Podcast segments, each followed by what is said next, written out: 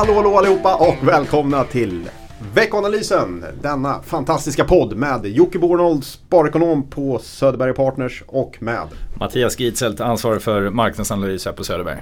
Yes, läget Mattias, är det bra? Det är jättebra. Det, Ja. är, det är mycket att göra men det är ju som det ska vara i juni. Yes. När, det, är- när det är liksom lite ledighet på gång förhoppningsvis snart. Får vi se hur mycket det blir. Om det blir det, Man, ja. man vet ju aldrig. Jag. Men, eh, men det märks i alla fall på alla sommaravslutningar och liknande. Så, här. så att eh, ja, det, det känns bra faktiskt. Och vädret är med oss också. Verkligen. Eh, och vi hade ju faktiskt eh, sommarfest här på jobbet här för några Ja. vecka sedan. Och du fick ju ett pris. Ja. Årets narcissist. Ja. Hur känns det? Det är bra att få årets narcissist redan efter ett halvår. Det betyder att man eh, har vunnit klart. Det är liksom, man har stängt alla bets, det finns inga mer. Nej, han kommer vinna. Ja, ja det är härligt. Ja. Jag har aldrig fått något pris faktiskt. Årets tråkigaste analytiker eller något. Ja. ja, det var en stor ära. Årets narcissist. Ja. Som narcissist så är det en ära att få ett sånt pris förstås. Ja, så är det.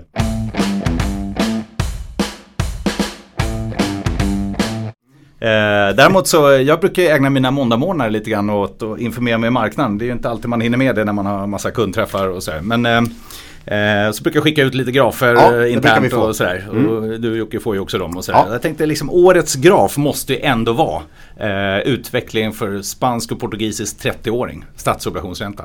Eh, vi har ju pratat mycket om räntenedgången som har varit. Den har ju varit bred överallt och sådär.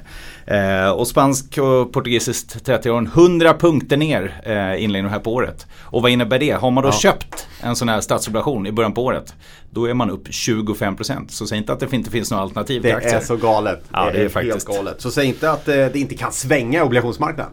Absolut inte. Det är, eller absolut, det är, tittar man på sådana här volatilitetsindex på, som ju finns både för börsen som många känner till, det, VIX-index, men det finns ju även för räntemarknaden och annat. Det börjar faktiskt eh, dra upp ganska ordentligt. Eh, så det är ju naturligt när, när eh, räntorna går ner. Ja. Så kraftigt som de har gjort. Och allt pekar ju på att det ska fortsätta ner i princip på, på räntorna. Eh, inflationsförväntningar fortsatt faller och så vidare. Just Så att, eh, ja, riktigt, eh, riktigt brant räntefall och därmed också otroligt bra utveckling för många statsobligationer. Faktiskt. Just det. Så man skulle legat i långa, Lång portugisisk lång 30-åring. portugisisk 30-åring. Inte det självklara valet till första januari. Nej, nej, det var det inte. Så man får säga att vi har missat där lite grann. Men, Ja. eh, men ändå, ja, fantastiskt. Att man kan, och det, då pratar vi ändå 30-åring vilket ju Mm. kanske inte ska röra sig så mycket som lite kortare. Men vad säger det egentligen? Kom, kan det komma sig att den börjar röra sig så mycket? Eh, alltså trenden är ju Är det faktiskt eh, Förväntningarna var så globala. helt annorlunda. Ja, men du, du hade ju en kanske, ja, om man säger, det, det var en hög nivå på 2,5%. Nu känns ju inte 2,5% i ett historiskt perspektiv särskilt högt. Nej. Men kan du låsa in 2,5% eh, under en lång tid, så ja, det låter ju attraktivt nu när räntorna är på 1,5%. Ja. Så att, eh, ja, visst, det är, folk köper ju allt som ger lite yield. Mm. Det är ju så det är. Jajamän. Ja, spännande. Eh, du, eh, när vi ändå pratar Portugal, då är det inte så jättelångt över till amerikanska dollar. Ja, den, vi- den fick du ihop snyggt. Eller hur? Vilken brygga. Eh, men vi snackar lite dollarn faktiskt på eh, morgonens veckomöte här. Exakt, och eh, det är ju naturligtvis alltså, beroende på att det är Fed-möte på gång. Eh, vi har ju det på onsdag här. Och eh, som vi har pratat om flera gånger tidigare, man förväntar sig att Fed ska börja sänka räntan här under sommaren, framförallt julimötet då. Där är det ju 80% sannolikhet att man faktiskt ska börja eh, sänka räntan den här gången. Och eh, i junimötet som vi har nu så är det ju en klart mindre sannolikhet men det finns naturligtvis en sån eh, en viss möjlighet till det och inte minst i takt med att makrostatistik kommer in någorlunda svagt så, så kan det naturligtvis leda till en sänkning. Och skulle man då sänka räntan, ja då ger ju det naturligtvis lite ringar på vattnet. och eh, det är ju inte bara på aktiemarknaden utan framförallt då om man då skulle tänka sig att räntedifferensen minskar mot övriga världen. För om man tittar Ja. på de senaste åren så har ju egentligen bara när Fed har höjt räntan så har ju inte andra hängt med. Nej. Europa har inte gjort det, Sverige har inte gjort det. Ja, ingen egentligen har ju riktigt gjort det. Vilket gör att det har blivit en jättestor skillnad på räntorna mellan omvärlden och USA. Ja. Och då har ju dollarn också stärkt sedan år 2015. Just det. Eh, tittar man nu idag så naturligtvis om man då sänker räntan så utgår ju man från då att dollarn kanske försvagas. Men det är naturligtvis inte så lätt. För att eh, man gör det här för att man ser en sämre konjunkturell eh, ja, aktivitet. Liksom, Ja. Eller ekonomisk aktivitet. Och vad händer när det är oroligt? Framförallt i riktiga orostider. Ta finanskrisen till exempel då 2008-2009 där. Då följer ju dollarn med, eller då stärktes ju dollarn med 20% under den perioden. Mm. Så att i orostider så stärks dollarn. Ja. Men samtidigt så om man då sänker räntan så förväntar man sig att dollarn försvagas. Så det är lite motsatta krafter för dollarn just nu kan man säga. Mm. Eh, och det har vi fokuserat på lite grann i, i vår veckoanalys då. Och eh, vi tror ju att om man ser den här starka uppgången som har varit för dollarn sedan 2015. Att den åtminstone mattas av att den kanske är lite mer stilla. Ja. Och eh, i år så har vi faktiskt sett att om man tittar på den här handelsviktade dollarn som mäter mot en korg av utländska eh, valutor. Så, så har vi en uppgång på cirka 1,5% i år. Och det är ju inte alls i samma nivå som vi hade förra året. Eh, och det gör också att vi inte riktigt till exempel är lika negativa till tillväxtmarknader som ju påverkas så mycket av dollarn. Men det är mycket annat som påverkas av dollarn. Jajamän. Kanske inte så mycket Portugal som ni inledde Nej. med. Men man vet aldrig. Massa saker. Vi får se då hur det påverkar kronan och kronans relation till dollarn framåt. Exakt och där är ju verkligen Det är ju framförallt kronan som är svag i år. Det är inte Mm. Ja. dollarn som är så stark utan det är, Nej. kronan är ju otroligt svag. Just det. Ehm, det är ju, och det är, det, jag ser inte egentligen att det skulle bli någon någon större skillnad på det framöver. Vi har pratat en del om det tidigare också. Mm. Det, är, det är nog alla förutsättningar är fortsatt rätt negativa. Yes. Tyvärr. Ja. Beroende på vad, eller tyvärr, det beror lite på hur man ligger investerad kanske. Ja. eller vad man vill göra. Eh, så är det. Eh, men vi får se då. Eh, men inte omöjligt att det blir en räntesänkning i alla fall i USA. Så får man väl tolka marknaden va? Det är, inte den här gången men i alla fall i juli så kan man nog kanske räkna med det. Och Fed brukar ju gå marknaden till mötes lite grann i, i sin kommunikation. Det har man gjort redan. Eh, och man kan väl nog gissa att man kanske gör det eh, den här gången också. Om det skulle komma in fortsatt svaga siffror. Och vi återkommer ju till lite makrohändelser här eh, längre fram så får vi se. Eh, så att, ja, eh, jag tror att det kanske kan ske. Yes.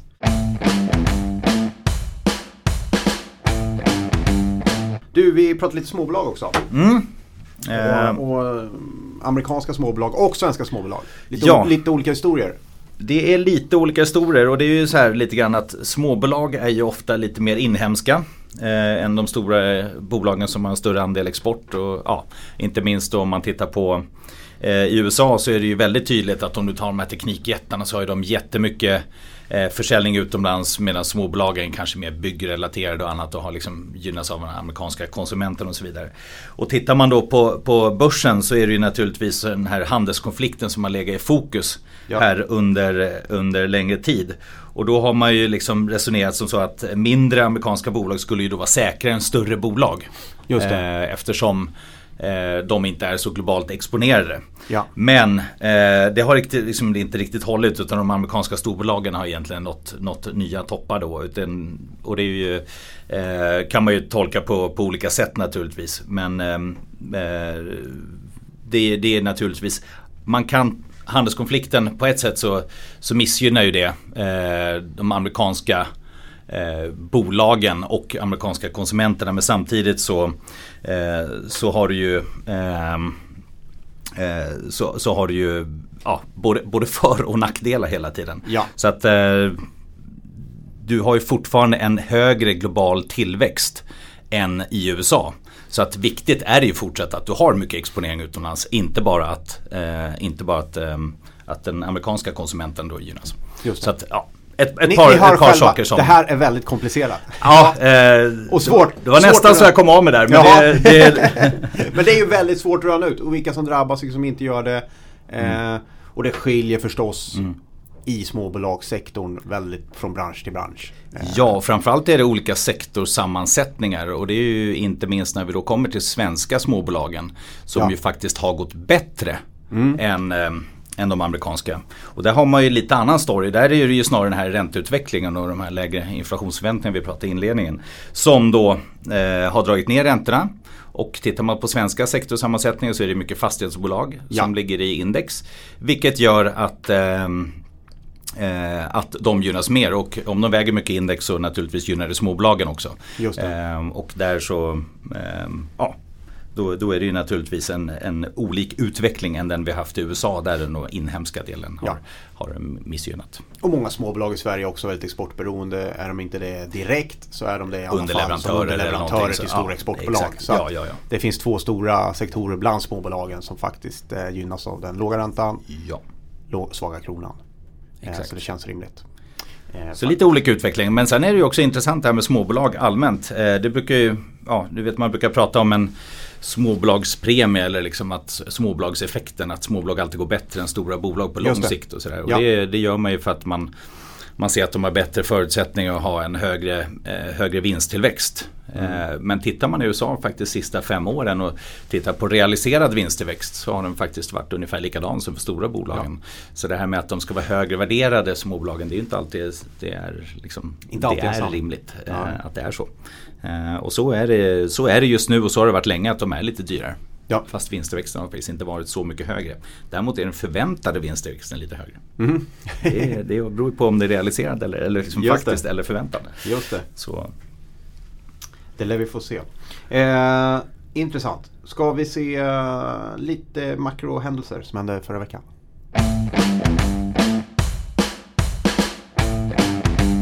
Ja, fokus på inflation. Mm. Eh, inte minst för att då Fed har möte återigen den här ja. veckan. Eh, det kom konsumentpriser i USA och de var då något sämre än väntat, ungefär 2 mm. Och det gör ju naturligtvis att Fed skulle kunna få lite stöd i, i att sänka räntan.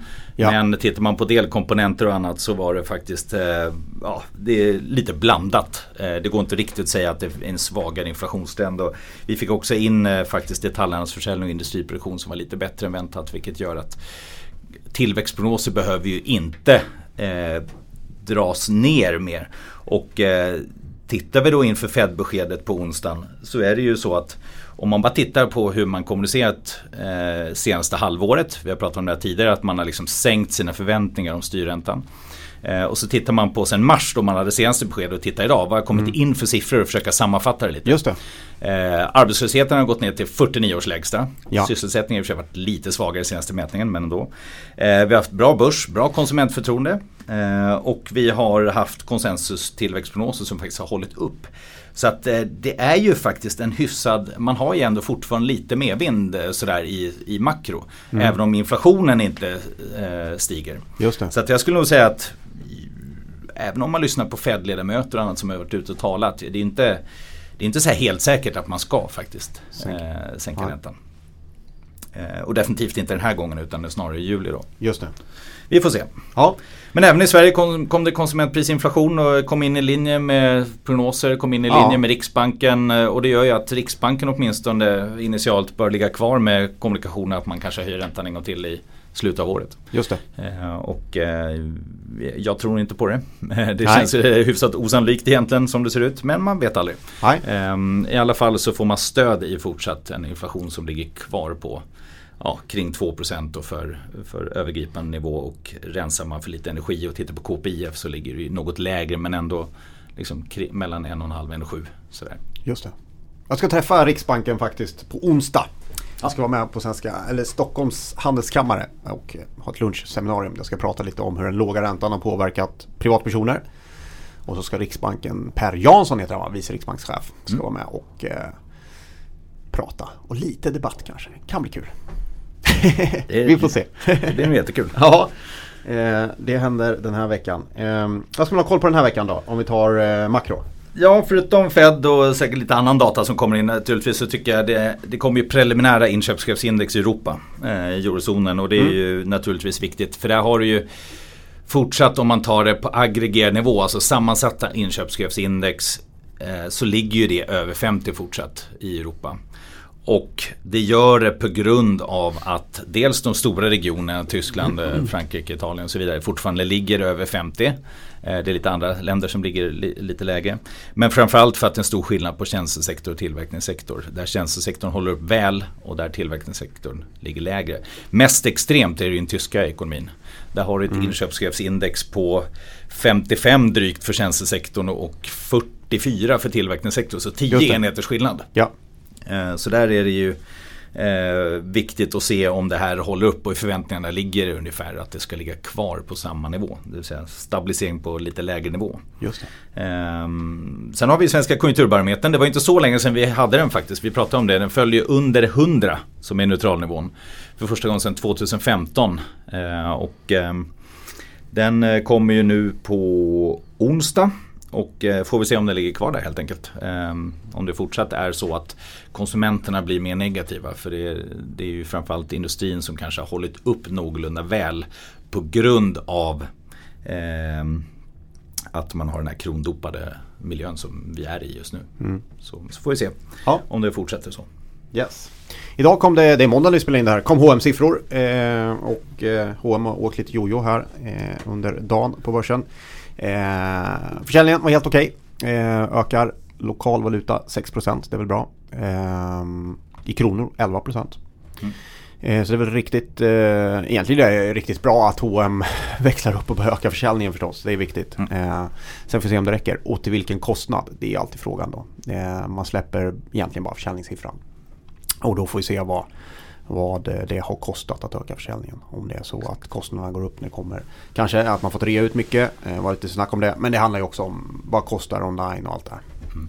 Eh, Där har man lite signaler i att, att det kanske är så att man, man ökar den här transformeringsfasen lite grann. Det ja, det, det finns en, en mening i pressreleasen som gör att mm. det ligger i farans riktning. Att man drar på sig lite kostnader kanske. Lite eh. så och sen eh, ska man också komma ihåg den här försäljningstillväxten som ju låter rätt bra i och för sig. 6% eller 11% då i svensk mm. Det är ju lite ganska lätta jämförelsetal. Mm. Eh, så att vi får väl se liksom, om man kan hålla upp det här. Men som, ja. som du sa, framförallt fokus på, på marginal. Ja. Naturligtvis. Eh, så får vi se hur det går. Det är den 27 tror jag som den kommer. Annars är jag på väg till Göteborg. Det är kapitalmarknadsdag för Volvo. Och den är väl mer spännande än på länge kanske därför att mm. Scania är på väg in till börsen. De kommer nästa vecka. Håll utkik på det. Trayton heter det. Det blir en eh, notering både i Stockholm och i Frankfurt. Och det är alltså Volkswagens dotterbolag kan man väl kalla det som man eh, eh noterar. Och eh, Volkswagen blir kvar som stor, stor huvudägare i det bolaget. Men väldigt kul att Scania är tillbaka på börsen. Också kul att få ett eh, eh, Scania Volvo tillbaka igen så man kan eh, jämföra dem eh, mer noggrant. Eh, så vi får se. Eh, känns spontant som att det går in, de vill ha ganska bra betalt för det. den delen de ska sälja. Även om spannet är gigantiskt, över 20% tror jag eh, kring högsta lägsta. Så att, eh, eh, vi får väl se. Eh, men är det någonting man ska tänka på där så tror jag att det spelar ganska stor roll vem som är ägaren just nu. Eh, Scania kommer fortsätta ha kvar Volkswagen som är stor ägare. Eh, borgar väl för viss kvalitet. Eh, däremot är det väldigt oklart kring ägandet i Volvo. Eh, faktiskt och det tänkte jag ställa lite frågor om. Eh, man får träffa ledningen här eh, eh, imorgon och så får vi se vad de säger om det. Det är högst oklart vad största ägaren till kapitalet sett vill egentligen med den, med den med positionen.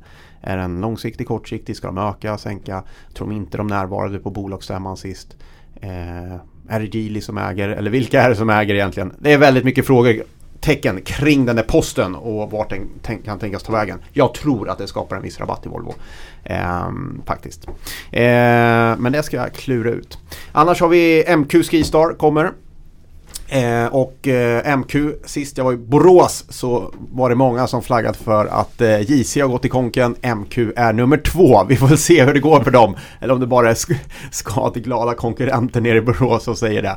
Men de har förstås väldigt tufft, eh, tuff marknad jättetufft med svag eh, krona. Så eh, det får vi hålla lite utkik på också. Annars tänkte vi faktiskt avsluta här och ta lite semester. Eller ja, i alla fall från podden.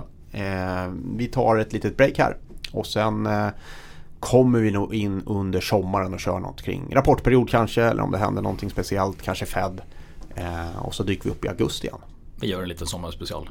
Det gör vi. Och sen är det naturligtvis så att även den vår veckanalys som är i skriftlig form Eh, den fortsätter ju men den fortsätter i ett lite mindre format fram nu ja. till eh, mitten av augusti. Så för er som går in på veckoanalysen.se yes. så går det ju faktiskt att läsa den förkortade versionen mm. Eh, under sommaren. Jajamän.